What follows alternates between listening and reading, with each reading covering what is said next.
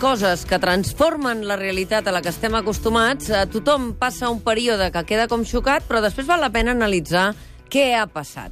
I us parlem de la Cambra de Comerç, perquè avui que tenim aquí a Xavier Sala i Martín eh, i ens pot fer un informe mirant-ho a vol d'ocell, ens agradaria saber com veu ell el fet que aquesta Cambra de Comerç, que en els darrers 17 anys ha estat en mans de Miquel Valls i d'aquelles empreses que no han aconseguit els seients eh, que estaven acostumats, ara, amb aquestes eleccions, amb cinc candidatures en joc, de cop i volta us vam despertar i us vam dir «Ei, la candidatura que promocionava l'Assemblea Nacional Catalana, el Cercle Català de Negocis i la Fundació Catalunya Estat ha obtingut 31 dels 60 vocalies seients que té i que, per tant, ha deixat en una situació uh, difícil aquelles empreses que estaven acostumades a manegar-ho tot.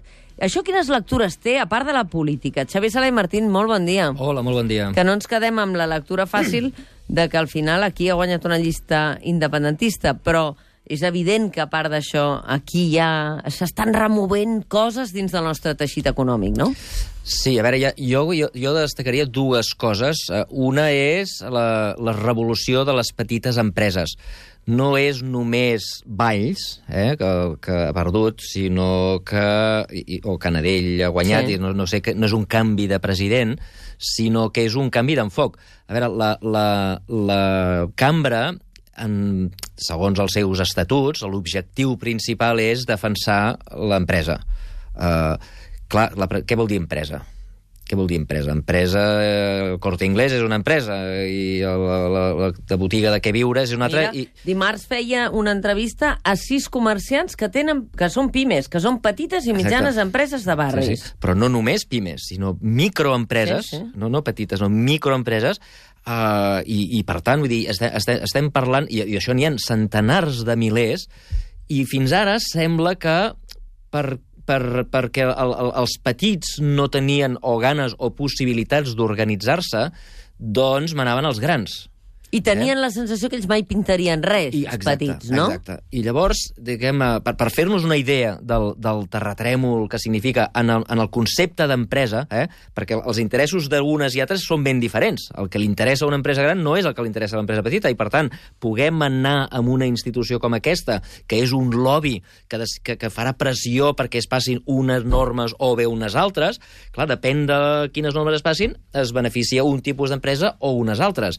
Però per, per donar-nos la, la idea de quin és el tipus de, de, de, de, de terratrèmol que hem viscut, eh, cal recordar que eh, la, la, el sistema de votacions és sectorial. És a dir, hi ha una cadira de les empreses de gas... Una de transport, una, una del sector servei... Exactament. Una... Eh? Uh, Editorial... Exacte, cada... Llavors, uh, per fer-nos una idea del terratrèmol, uh, a la sector de, de materials sanitaris, uh, una empresa que es diu Roca amb Làser li ha fotut la cadira a Roca. Uh, en el sector d'aigües, una empresa que es diu Catgas li ha fotut la, la cadira a Aigües, de Barcelona. En el sector automòbil, Trucat li ha fotut el seient a Seat i Nissan. En el sector d'assistència no, d'assistència a la llar, uh, una empresa que es diu Ràpid Segur li ha fotut la cadira a Fomento de Contrataciones, uh, Construcciones i contrates. i Contrates. La productora de Joel Joan... Una, Arrisca. A risc, Uh, li ha fotut a Planeta, sí, sí. el grup Planeta. Una empresa que es diu Avant uh, li ha fotut la cadira al Corte Inglés.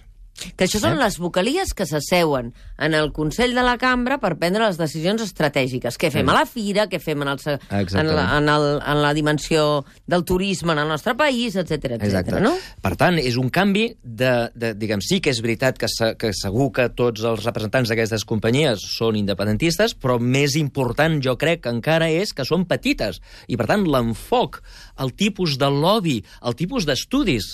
Recordar que la, la, la, la cambra té un, un servei d'estudis important. Llavors, quin tipus d'estudis es faran? es faran? Els que li interessen el corte inglès o el que li interessen a les petites empreses? Doncs això enfoca, de, de, demostra que serà un canvi d'enfoc, que tindrà, tindrà repercussions també en les coses que tenen a veure amb la independència. Per exemple, eh, es faran estudis sobre què representa, què ha representat de veritat la famosa fuga d'empreses de la que parla sempre les rimades i tota aquesta gent. La fuga, la fuga, la fuga. A veure, què ha sigut això? Quin impacte econòmic ha tingut?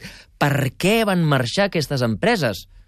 Qui els va pressionar? És veritat que el govern va treure dipòsits del Sabadell i de la Caixa si no marxaven eh, i, i van, van estar a punt de provocar un pànic bancari? Eh, tot això, que ha quedat com amagat, ningú és capaç de fer estudis sobre això, tot això ho haurà de fer la cambra. Estudis sobre el dèficit fiscal és veritat o no és veritat que... Que, que hi ha 16.000 milions d'euros de decalatge. Les infraestructures que sempre demanem, a veure eh, quines infraestructures van, quines es posen al pressupost, quines s'executen, eh, perquè això té un impacte brutal sobre totes aquestes petites empreses. Segurament el Corte Inglés i els grans eh, eh, no, no és la seva prioritat, però les petites empreses que, que, que, que han guanyat sí. I, per tant, hi haurà un canvi d'enfoc, jo crec, eh, important a, a la cambra. El segon aspecte que jo crec que és important és que la ANC ha sabut aprofitar, diguem, un, un buit que hi havia a la cambra, que és que es van adonar que no votava ningú. La presa de consciència de les capacitats i les oportunitats que tenim cadascú de nosaltres en els nostres àmbits. Sí, ens organitzem i si tenim informació. Eh? Perquè de sobte, la, una de les feines de l'ANC va ser anar pel món a dir que, que hi havia aquestes molts de vosaltres podeu votar. Ah. Per exemple, qualsevol autònom. Els autònoms. Mm. Els autònoms, la majoria no sabien que podien votar. Doncs podeu votar. I llavors fa una, una, una empresa que s'organitza, una, una entitat que s'organitza, i els hi explica que poden votar, uh, una, que una, una entitat que s'organitza i que utilitza les xarxes per fer, per fer lobby, Uh, jo no he vist cap article, cap, cap uh, tuit de, de, de gas natural o de, o de SEAT... Dient, sobretot, tot... voteu a la cambra. No, en canvi aquests organitzaven... Es donava sobretot... per... Es donava per sentat que el fet que els candidats eren coneguts del món empresarial, de la gran empresa, uns tenien els suports del monstre A i l'altre del monstre B, entenent per monstre en positiu sí, sí. grans empreses, no? Sí, sí. I que això passaria com sempre exacte, ha passat, exacte. i que no canviaria res. I que la batalla era entre el Crous i, I, el Tusquets. i el Tusquets, hi havia els dos grans, i, i escolta'm, i, escolta, i, i, i ningú s'havia adonat, o, o, o ningú s'havia volgut adonar, que en realitat només, eh, només votava l'1% dels que podien votar, i només passant aquest 1% al 4% han creat un terratrèmol. Uh, però també ens han donat una lliçó, que és que si tu t'organitzes, si tu, eh, eh, diguem, utilitzes la informació que sembla òbvia però que ningú fa servir, eh, pots canviar les estructures de grans institucions. Per exemple, per exemple, ara se m'acut eh, moltes juntes d'accionistes.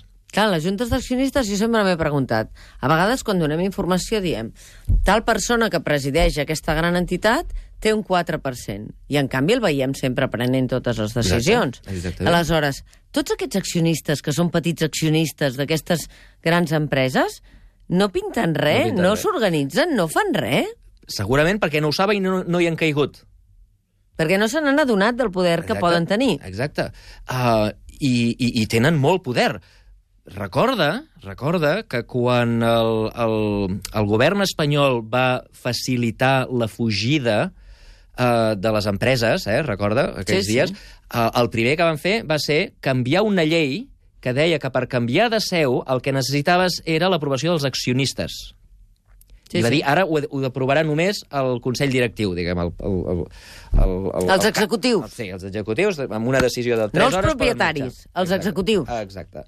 Uh, suposo que això ho feien perquè tenien por de que, clar, amb una decisió tan important, si tu poses a la Junta d'Accionistes del Banc Sabadell, voleu que el banc, per primera vegada amb els 100 no sé quants anys d'història del Banc Sabadell, tregui la seu i se l'emporti uh, a Alacant, em sembla que va ser, Automàticament els accionistes... Els accionistes s'haguessin mobilitzat, hagués sigut una, una catarsi que hagués mobilitat a tots els accionistes per dir no, i per això els hi van prendre la decisió. Però la pregunta que un s'ha de fer és què passaria si de sobte tots els accionistes es posen d'acord? Per, dic el Sabadell perquè és un exemple dels sí, que, sí. dels que van marxar, recents. no? Però això passa amb qualsevol empresa. Qualsevol empresa els accionistes més importants tenen un 3, un 4, un 5%. Hi ha poques empreses que el 55% o el 51% estiguin propi, sigui propietat d'algú. N'hi ha, eh, també.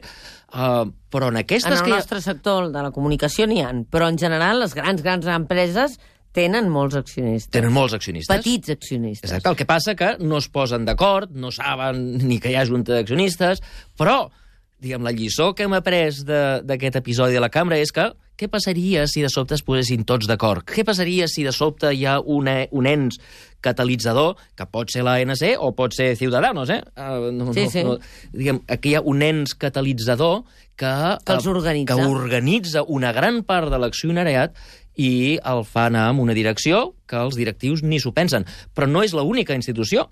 Uh, una altra institució és el Barça. Tots recordeu que, la, que la, la, la, com es diu, la Junta de Compromissaris, Sí. les, les que aproven els comptes al final de l'any, uh, hi ha 700, 800 persones Que són socis. que són socis, però, però de compromissaris n'hi ha 7 o 8.000. Què passa? Que no hi van, que passa, la gent passa. Què passa si de sobte hi ha una uh, institució que decideix organitzar, que decideix coordinar, que decideix incentivar uh, a tots aquesta gent que no hi va, sí, canviarien la història del Perquè Barça hi vagin, clar. si els organitzes, canviaran igual que ha canviat la història de la cambra. Per tant, eh, jo crec que és la segona gran lliçó. Eh, compte que els temps, est, est, els temps estan canviant, estan canviant, el monopoli de la informació ja no és només els mitjans, eh? si vols coordinar la gent ja no, no has de posar un anunci a l'avantguàrdia. O ja no has d'aconseguir O- que t'entrevistin, o ja no has d'aconseguir que s'ha col·locat tal persona, no sé quina Ah, tertúlia, perquè els. No, no, no, no, ja no va d'això. Ja no va d'això. El món ha canviat, hi ha unes altres eines, i resulta que l'ANC molt intel·ligentment ho ha aprofitat i ha, ha fet aquest, eh, aquest terratrèmol eh, que tindrà conseqüències sobre la cambra i, per tant, sobre l'empresariat català, però jo crec que acabarà tenint conseqüències, encara ningú sap quines, però que acabarà tenint conseqüències a tota l'economia a través d'aquest mecanisme que et dic. Ara ja sabem que si tu t'organitzes, totes aquestes institucions en les quals es vota, però gairebé ningú ho fa, si tu t'organitzes acabaràs manant.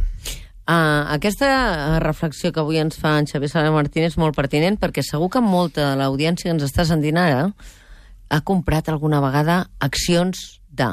Perquè ha anat a la caixa, té uns estalvis, ha anat al banc, té uns estalvis, i li han dit, compri que aquestes accions... Exacte. Vull dir que això que està dient us afecta a vosaltres, els que teniu petites accions de uh, telefònica, no? Perquè Exacte. també pot passar amb una empresa com Telefònica. Sí, sí, sí. Totes les empreses que tenen té milers d'accionistes petits, petits, milions, petits. milions i milions d'accionistes. I el que passa és que cadascun d'ells es pensa que no és ningú, que, clar, com que sóc tan petit, doncs el meu vot no importa i, per tant, no cal votar.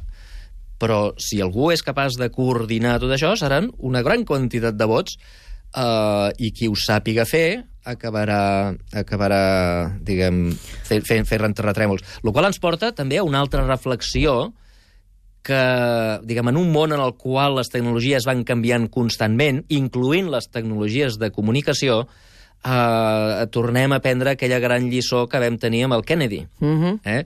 que en el món de la ràdio apareix la tele i el Kennedy va ser el primer que es va donar que, que l'havia d'utilitzar. que podia utilitzar la imatge per guanyar debats. Sortia als debats el, el Kennedy, un tio jove, eh, eh, animat, Sí, sí, o sigui, la sí. imatge fantàstica, el, el Nixon, un tio apagat, allò que feia pena, perquè el Nixon estava acostumat al món de la ràdio. Canvia la tecnologia i, pom, canvia el president dels Estats Units. Barack Obama, el primer que va ser capaç d'aprofitar les xarxes socials va ser el Barack Obama.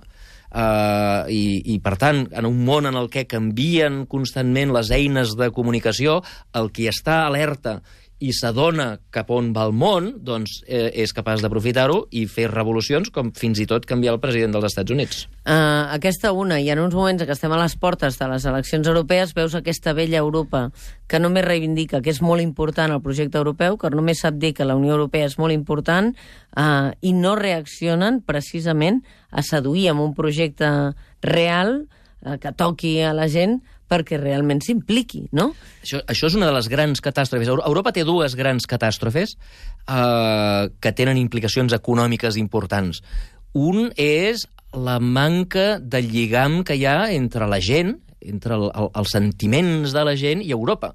Uh, per culpa, en part, dels polítics, que Europa sempre ha sigut aquella institució que m'ha obligat a fer les coses que jo ja sé que no us agraden. Eh?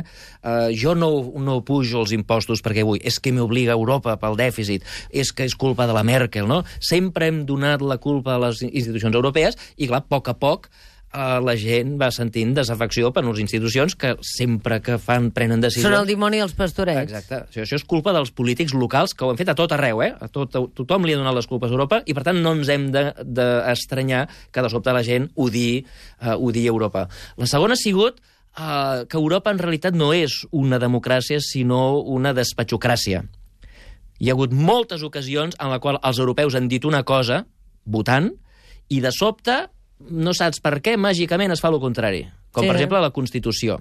Es va fer un intent de Constitució europea, es va votar en contra a diversos països, Espanya es va votar a, votar a favor, eh? però a, a Europa, Sí, sí, a molts sí, països sí. europeus es va votar en contra, i la van colar per la porta de darrere. França. Exacte. La van colar per la porta de darrere, li van dir Tractat de Lisboa, i ja la tenim igual. Ja està. Tant se val el que pensi la gent. Hi va, hi va haver un moment de pànic pensant si un dels històrics vota en contra serà un drama, va passar i la van transformar. I la van transformar. I això, vol dir, e- ells, hi ha, hi ha com una cúpula, de, de, hi ha un senedrí no?, de grans sacerdots que saben què és el que ens interessa a nosaltres, fan veure que fem una democràcia eh, els deixem votar, però si s'equivoquen a l'hora de votar i voten una cosa que no ens interessa, tranquils, que sempre hi ha el mecanisme per arreglar-ho i tornarem al camí original. Això també passa a, a, a, a països en particular, eh? Recorda És a que... molta gent de la que els- se'ls hi fa dir que els referèndums els carrega el diable i que més val no fer-los. És aquesta mateixa gent. O, o la mateixa gent que, que es va presentar en unes eleccions dient que saldremos de la OTAN i van fer, eh, van fer lobby a favor de la OTAN. Eh? Uh, no sabem ben bé què va obtenir el Felipe González uh, per fer aquest canvi, però ara el veiem tots fumant uns puracos i anant amb iot. Uh, i, No sé si té relació, Bueno, no però sé, la imatge hi és. Però, però alguna, cosa, alguna cosa li van fer en aquell revolucionari que de sobte, quan arriba al poder, canvia. És a dir, hi ha, hi ha com, un, com els grans sacerdots que decideixen cap on han d'anar les coses, eh, deixem a la plebe que voti, però quan s'equivoqui, tranquils, que tenim mecanismes per canviar-ho. Però és evident que això està canviant. Per el mateix que dèiem el que ha passat a la Cambra de Comerç, és evident que la gent eh, té mecanismes per informar-se i per transformar la societat i que els té, i quan els, eh, els hi poses a l'abast i els té a l'abast, el fa servir. Per tant, Sí, però, però Europa eh, és molt opaca. Eh? Uh, jo, a, a la gent, m'agrada preguntar-los a veure, a Europa, qui són els que manen més? Qui són els que manen més a Europa? Hi ha un senyor que es diu Tusk, i, el, i, i un senyor, i un senyor que es diu Jean-Claude Juncker, Juncker vale? a, a veure, la, la perquè grandesa... ningú, et diu, ni, ningú, ningú parla mai del paper del Parlament. Però- Que és el que votem el dia 26. Exacte, exacte. Però aquí anava jo. A veure, tu, eh, la grandesa de la democràcia no és que permet escollir els millors líders. Eh? Uh, la gent s'equivoca, clar que ens equivoquem, tots ens equivoquem i, i, i molta gent poden cometre grans errors. Jo crec que el Donald Trump és un exemple d'això.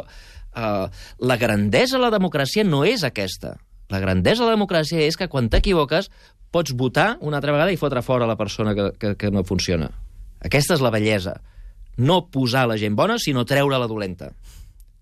Pregunta, com fotem fora els Junkers? O sigui, la gent de, la gent de Catalunya, la gent d'Espanya, la gent d'Europa, sap amb quina elecció han votat el Juncker? No, no, i a més a més no podrà, no, no, no podrà tenir garanties que encara que, eh, que Weber sigui el candidat del Partit Popular Europeu o que el Timmermans sigui el candidat del Partit Socialista Europeu, dels socialdemòcrates, siguin al final ells. Tampoc hi ha garanties. Però, però jo, jo vull saber, jo vull saber, no? A mi no m'agrada el Juncker, eh? La gent que, que, que veu massa ampolles de ciàtica, com, en, en, en, en general no m'agrada que siguin els presidents de, dels països on el soc jo. Doncs, escolta'm, com el faig fora? No, no. Saps, saps, saps en quina elecció el pots fer fora? El pots fer fora a les eleccions espanyoles. Perquè són els països, els líders dels països, els que escollen la, els, els, els de la comissió i, per tant, el president de la comissió. Aleshores, a les eleccions espanyoles, algú va parlar D'Europa. de qui serà el en Juncker? lloc. Qui serà el Juncker? En lloc. Ningú. El senyor Tusk. No, no, com, com el podem fer fora, el senyor No, no. Tusk? O sigui, no m'agrada el senyor Tusk, ho fa fatal. Com el puc votar? Jo sé quan puc fer fora el Trump. A les properes eleccions presidencials del novembre del 2020, jo puc votar en contra del Trump per fer-lo fora perquè no m'agrada la seva política comercial o no m'agrada el seu cabell de cul taronja, és igual.